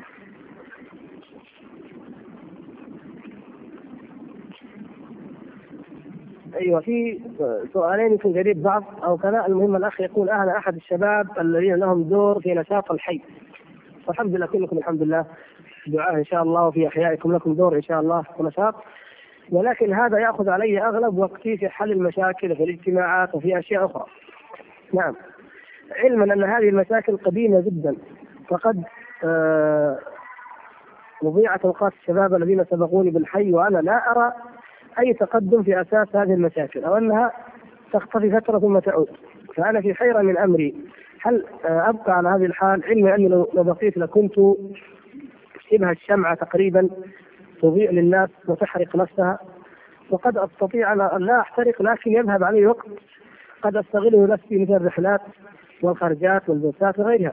وقد فكرت في الانقطاع الكلي والاستفادة من وقتي لنفسي ولكن أنكر علي الكثير من الإخوان بحجة آه، كتمان العلم وعدم خدمة الغير وأنا في حيرة من أمري.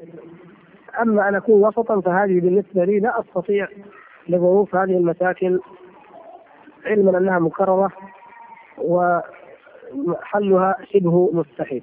يعني السؤال هذا قرأته كل لأنه يمكن كلنا نعاني منه أو كثير منه هذه مشكلتنا. وهذا من من قدر الله الذي ابتلانا الله تعالى به. ولا بد أن نصبر ولا بد أن نوفق ولا بد أن نسدد ونقارب. هذه مشكلتنا كلنا.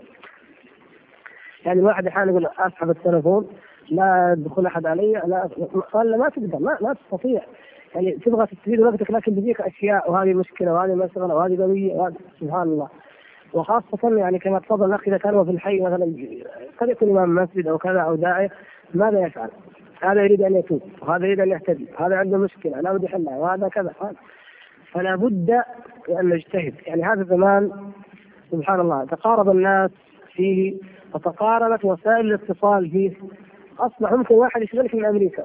والله أنا أنا بعض الليالي والله لا يمكن نص ساعة مكالمة من أمريكا. قلت سبحان الله أنا قاعد أفكر. قلت هذا الزمن مشكلة. يعني أنا أنا قفلت الباب عشان ما حد يجي. مثلا آخر الليل لكن صار دق دق علي من أبعد مكان. أول كان الناس يرحلون على الإبل فما يروحوا. يمديك تقرأ حتى يجي واحد بالبعير. لكن الان يدق عليك التلفون. ماذا تفعل؟ وضرورة. يعني والله أقول فعلا يعني أنت أحيانا تجد ما يمكن أنك تقول له لا. ضرورة ومشكلة ولا بد أن تتابعها إلى نهايتها. وإن لم تستوعبها بالكامل ما تقدر تعطي الحل أو الجواب. وغيره وغيره مثله يا سبحان الله. لا يعني أنا أقول يا إخوان الاخ لا يقول الوسط مستحيل. لا بد منه. لا بد منه. هذا قدرنا. هكذا أراد الله. فلا بد أن نجتهد في ذلك. لو أقفلنا الأبواب والوسائل جميعا وبقينا على أنفسنا فقط سبحان الله. ما ننفع. ما ننفع في الحقيقة.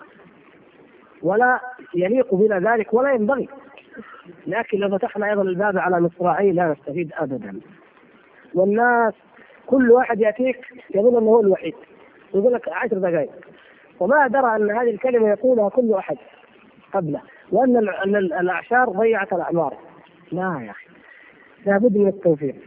ولهذا أقول للإخوة حقيقة والحمد لله إنها في جامعة كلهم طلبة علم إن شاء الله. يا إخوان يجب أن نتقي الله في أوقات بعضنا. يعني أننا نتقي الله كيف نحفظ أوقات إخواننا. والشباب لا بد لهم من مربين لا بد لهم من موجهين هذا لا شك فيه هذا هذا ضرورة لا بد منها. لكن أن الأخ كما قال يربي ويربي ويتعب ويحل المشكلة ثم تعود هذا خلل يقع فينا نحن الذين يربينا. ربانا وجهد وأتعبنا ثم ننتكس ونعود كأنه ما فعل شيئا. مشكلة هذا لا لابد أن يكون منا ومنه التعاون. يصبر الأخ هذا على ما يلاقي من إخوانه وعلى الإخوان أن يتوجهوا وأن يحافظوا على وقت أخيهم أو موجههم مثلا. وأيضا ما يتعلق بالعامة نحتسب عند الله سبحانه وتعالى. وان كنا أحيانا نتعب معهم ونضيع الوقت معهم يعني أحيانا والله يقول أنا فاهم السؤال. خلاص خليني أجاوبك. يقول لا خليني أشرح لك السؤال. أنا فاهم يا شيخ.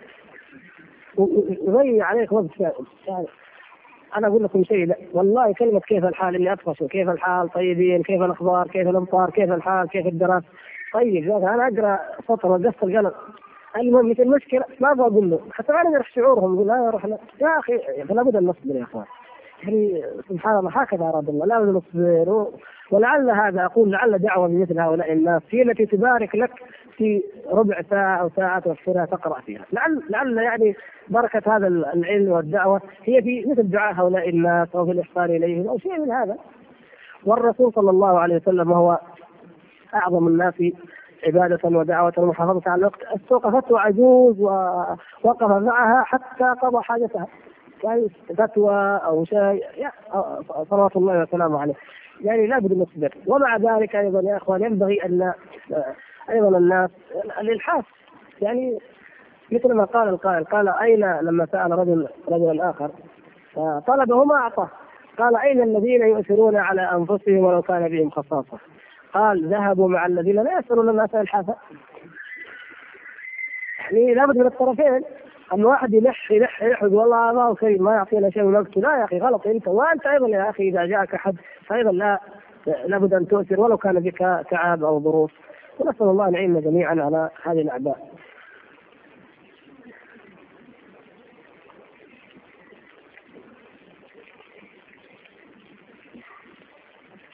وهذه قضية فعلا يعني في في صميم مشكلة الوقت في العالم الإسلامي. يقول الأخ أنا أتزوج أحيانا فأجد تجمعات للشباب على معصية الله والعياذ بالله. فأفكر وأهم أبي أن أذهب إليهم وأدعوهم.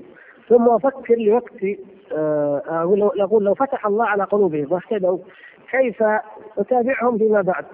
وأنا مشغول جدا هذه مشكلتنا كلنا فأخاف أن يعودوا إلى ما كانوا عليه. فكأننا ننفخ في رماد. إلا أن يكون هذا شبيها ببعض رجال الدعوة الذين يذهبون إلى الخارج فيسلم بعض الكفار على أيديهم ثم يتركونهم ويرجعون إلى بلادهم. القضية واحدة. هي المشكلة هي واحدة فعلا اللي يذهب برا ولا هنا ولا يعني انت أحيانا تقول والله في الطيارة كيف جنبك واحد. تقول له أنا يعني ما في فائده أتكلم معاه وراح يتفارق ولا انت عرفنا يقول طيب أعطني تليفونك ونتعاون ونعطيك أنت ما فضيت اللي للاشغال اللي, اللي عندك من اول حتى تزوج مشكلة جديدة. يعني الواحد يجد حيرة فعلا. أو أو لقيته في طريق أو وجدت كما قال أخ تجمعات شباب كذا هذه قضية كيف نحافظ على طاقة الأمة. لا شك أن هذه الأمور يعني مما يجب أن ننبه إليها. وأرجو أن يستوعبها الإخوان. وخاصة في هذا الليل الحمد لله يمكن كلنا طلاب علم ما في أقول يعني يجب يجب علينا أن ندرك أن المجاهدين والعاملين في الأمة قليل. وأن اثمن الأوقات هي أوقاتهم. ومن هنا لا نبدد هذه الطاقات تبديد الطاقة حرام وإن كان واحد يقول أنا يعني بذلت شيء لكن لا. أنا أقول لك لا يا أخي. بدلا من الذهاب إلى تجمعات الشباب هذول في الكورنيش تنصحهم وهذول في البر تتكلم معاهم شوية هذول تحاول تتعرف عليهم وهذا كذا. لا حقيقة ليس هذا عملك الدائم في حياتك. اجتهد وركز على مسجدك وعلى الشباب الذين يدرسون معك مثلا أو ما حولك. ركز عليهم. حتى في المدن. أنا أرى الواحد يركز ولو على مدينة معينة. أتعبون المشايخ. أقول لك شخصيا أقول لكم كذا. أقول لهم أنا ما المفروض ما ألقى أي محاضرة خارج جدة. حتى نركز يقول لا تعال هنا. حقيقة لو أنت كل أسبوع في بلد ما تؤدي شيء. حقيقة. أنا أعترف بهذا. يعني ما نغلط أنفسنا. إن شاء الله في خير لكن ما في ثمرة أكيدة مثل أن تتابع بذره معينة. أقول التركيز لابد منه. لابد منه. فإن ذهبت مثل الليلة. جيت إلى إلى هذا المكان النائي على الشاطئ. مثلا غرض خير الله يفتكم لكم أجر هذه الساعة إن شاء الله. لقيت ناس على الطريق وقت الصلاة كلمهم. نعم يعني عرضا. أنت ما أنت رايح السوق.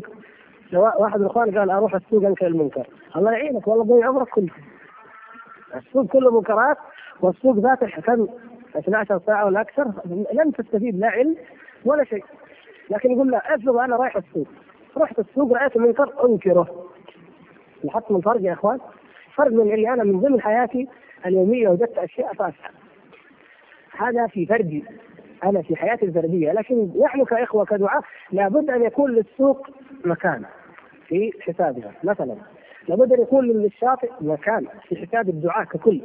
لكن في في فرديا لا. إلا ان انتدبني إخواني وقالوا نحن نكفيك المسجد وما يهمك والمدرسة انت روح مثلا لك غرض كذا كذا في في الشاطئ أو في السوق أو في الهيئة خلاص أروح أعمل مثلا. ولهذا نقول إن الأمة في حاجة إلى تجميع الجهود واستقصائها واستخلاصها بأفضل اسلوب كما كان النبي صلى الله عليه وسلم ينمي الطاقات ويربيها ويضع هذا للقضاء وهذا للعلم وهذا للجهاد وهذا كذا أحلهم. فلما قبل صلى الله عليه وسلم وجد بهذا أكبر الناس وهذا افتى يفتي من أعلم الناس وهذا أشجع الناس. ربيت الطاقات وركزت في أغراض في أهداف محددة. أما الإضاعة بعض الإخوان راحوا كوريا. قالوا رحنا كوريا والحمد لله وتزولنا وعلى صعوبة اللغة أربع شهور. جزاهم الله خير على أي حال. المهم دخل عدد من الكوريين وجو طيب وبعدين؟ فكر. تابعونهم لا قالوا والله المفروض نتابعهم ذول هيئة الإغاثة وذول الرابطة. تابعوا أخي إحنا إحنا مضيعين دول من أول بس ما إحنا قاعدين نتابع نتابع 20 نفر اسلموا في وكيف نوصل لهم وكيف. قال والله القاديانية اخذتهم الشيعة ضاعوا المهم حقيقة يعني يجب أن نكون واقعيين. وندرس الأمر فعلا الثمره الحقيقيه ما هي؟ البلد أو الأمة الإسلامية لا بد لها من قاعدة تتأسس وتكون منطلق. ومن هنا كان حرص النبي صلى الله عليه وسلم على الهجرة. ومن هنا كان الذين آمنوا ولم يهاجروا ليس على المسلمين من ولايتهم من شيء. ما ما عليهم ليس لهم أي ولاية لأنهم لم يهاجروا إلى بلد الإسلام. وكان النبي صلى الله عليه وسلم يبايع على الهجرة حتى فتحت مكة. أليس كذلك؟ ليش؟ حتى يكون في قاعدة للإسلام مرتكز للإسلام.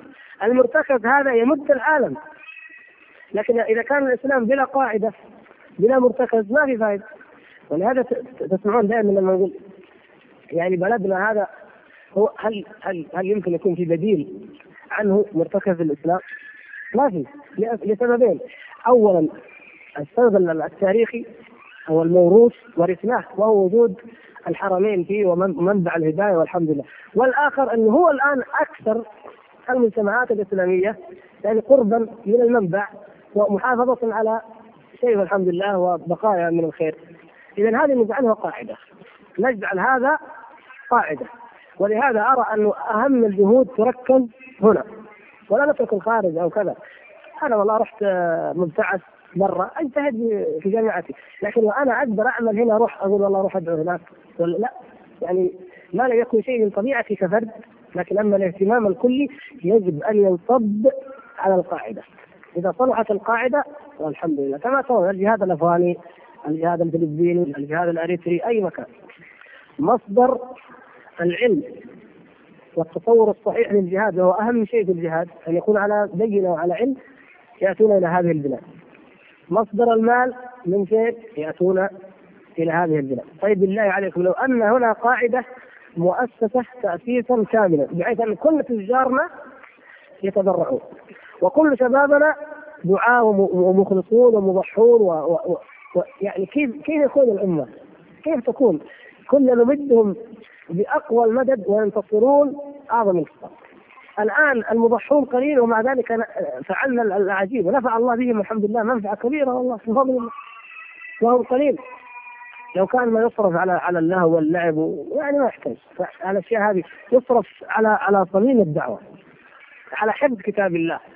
على حفظ أوقات الشباب. بالله كيف تكون الحياة. لو كان الشباب ونحن الآن على قلة الشباب يعني فعلوا الاعاجيب الحمد لله كما قلت لكم في أمريكا وغيرها. لو كان الكل كل الشباب على مستوى هؤلاء الشباب والله نفتح العالم مرة ثانية. وما ذلك على الله بعز. يفتح والله يفتح. ولا غرابة في ذلك أبدا. حققنا ما يسمى معجزات ونحن بهذا الضعف. كيف لو كنا في حالة القوة وتكون الأمة كلها قاعدة للدعوة إلى الله سبحانه وتعالى. شباب في بعض الناس في أمريكا شباب والله يا إخوان يدفع هذا من راتبه وهذا من جيبه يدرسون هناك يعني. من أجل أن يستأجروا قناة في التلفزيون يدعون إلى الله سبحانه وتعالى. طيب لو أن الأمة كأمة في مجموعها مو هذا الشباب يدفع تقدر تشتري يقولوا في أمريكا 50 قناه نقدر نشتري 25 قناة 30 قناة نخليها كلها إن الأمة لما تدفع مو زي فرد أنا أقدر ادفع 10 ريال. لكن البلد يقول يدفع 10 ملايين عادي جدا. والله والله يهتدي العالم كله بإذن الله. ولا يبقى إلا من يستحق الجهاد ومن حقت عليه الضلالة. ومن هنا ضرورة التركيز وضرورة أن نهتم بهذا البلد. لا تفتك به المخدرات. لا تفتك به الأفلام لا تفتك به الملهيات والمغريات. نؤسس قاعدة الإسلام الكبرى إن شاء الله ومنطلقه العظيم من هذا البلد. وإن شاء الله يعني وهذه قد بشر بها النبي صلى الله عليه وسلم. وأنا أرى أنها لا تتعارض مع أهمية هذا البلد انه معتصم المسلمين في آخر الزمان يكون ببلاد الشام. بلاد الشام إن شاء الله في آخر الزمان. القلعة قلعة الإسلام ستكون هناك. لكن هذا دليل على إيش؟ على أن جزيرة العرب مضمونة. لما نكون في الشام ونحارب الروم وغيرهم في الشام ويكون فسطاط المسلمين كما أخبر النبي صلى الله عليه وسلم بالغوطة من دمشق هناك يكون الفسطاط يعني المخيل القيادة فين؟ في الغوطة معروفة في دمشق معنى ذلك أن الجزيرة العربية يعني تقريبا يعني هي مضمونة لأن من يسيطر على الشام في الحقيقة في بالذات في العصور وقد ملك المنطقة تقريبا. فنقول يعني هذه بشارة بأن هذه القاعدة الإسلامية ستظل وتبقى بإذن الله سبحانه وتعالى. ومن هنا حتى لا تبدد الطاقات أنا أرى أنه لو ركزت الدعوة في شبابنا في جامعاتنا في مدارسنا فأننا نكسب أمرين معا. لاحظوا يا إخوان نكسب الدعوة هنا في القاعدة ونكسب الخارج لأن هذا المرتكز هو الفئة التي هي فئة كل مؤمن كما قال عمر رضي الله تعالى عنه. قال أنا فئة كل مؤمن أي معركة في أي معركة كان المسلمون. ووجدوا أن أعداءهم أكثر من ضعفيهم ولا يستطيعون القتال يفروا ولا يخافوا ولا يقولون يعني قد ضررنا. لأن الله تعالى قال إيش إلا متحرفا للقتال أو متحيزا إلى فئة. أنا فئة كل مؤمن. يقول المدينة القاعدة عندنا الجزيره العربيه عندنا هذه القاعدة تعالوا وبعدين ننطلق مرة أخرى. الحمد لله. ويعني من فضل الله أن هذه البلاد عجيبة يا إخوان يعني ما في وقت يعني وقت لكن أقول شيء يعني اودع الله فيها من الطاقات العقلية والطاقات المادية ما لم يودعه اولا تتهافت تهفو إليها تسعى إليها قلوب ألف مليون مسلم. في بعض البلاد إذا مشيت أنت بالغصر هذه الشمال يكادون يقطعونها ليقبلوها في في ألف مليون مسلم والحمد لله. الأمر الآخر الصحراء هذه كانت سياجا لنا في الماضي. الروم ما قدروا يدخلوا، الفرس حتى الإنجليز قالوا لو ندخل البلاد هذه خمسين ألف جندي تذوب رؤوسهم من شدة الشمس الصحراء، من يقدر يقاتل في الصحراء؟ اتركوها ما لنا دخل في ذات العرب. فالآن لما جاءت التكنولوجيا المتطورة وأصبحت هذه القضية تقريبا لا هي مشكلة أعطانا الله تعالى في جوف هذه الصحراء قوة لم نكن نحلم بها وهي قوة الكنوز التي أودعها من البترول ومن الذهب ومن غيره. يعني نحن الطاقة الشمسية يقول العلماء إنه إن كان من بديل عن البترول فهو الطاقة الشمسية. وجدوا أن أمريكا وأوروبا السحاب يغطيها طول العام. طبعا ما في شيء ما في طاقة. أكبر مخزون للطاقة الشمسية في الربع الخالي. برضه يعني ما في مشكلة. ما, ما في حل. أينما راحوا البلاد دي لها قيمة سبحان الله. يعني لابد لابد ستظل هي التي بإذن الله يعني يمكن أن تكون قاعدة لفتح الدنيا كلها. فلهذا يا إخوان ركزوا الجهود يجب أن نركز الجهود. ولهذا والله نحن نتألم لما نرى ما في داعي نقرا بعض الأسئلة كثير المشاكل يعني. يعني نعم. يعني كثير من الإخوان تكلموا عن مشكلة الاختلاط وما نرى هذه الأيام. والله نحن يتضاعف عندنا الألم لما نعلم إنه يعني المفروض يكون عملنا أكثر. هذا شباب الأمة التي يجب أن تكون مرتكز وقاعدة للدعوة إلى الله ونشر العلم. الشيوعية تأتي من كل جهة العلمانيه الإباحية الرافضة القاديانيه كل كل أحد يطمع فينا وتداعوا علينا. كما تداعى الأكل على قصعتها نحن الذين يجب أن نفتح الدنيا بالإيمان ونرى كيف تضيع الأوقات وكيف تبدد الطاقات. والله المستعان. ولهذا يقول كل إنسان منا يعني يستشعر واجبه ويضحي في سبيل هذا الواجب ويستعين بالله سبحانه وتعالى على ذلك ونحاول أن نركز الجهود والتوفيق بيد الله. أسأل الله الكريم رب العرش العظيم أن يتقبل مني ومنكم وأن يرزقنا حسن الاستماع وحسن العمل وأن يعفو عنا ويغفر لنا ذنوبنا. إنه سميع مجيب. والحمد لله رب العالمين. ونشكر الإخوان في الدعوة المحتسبة على هذه الفسحة. بدر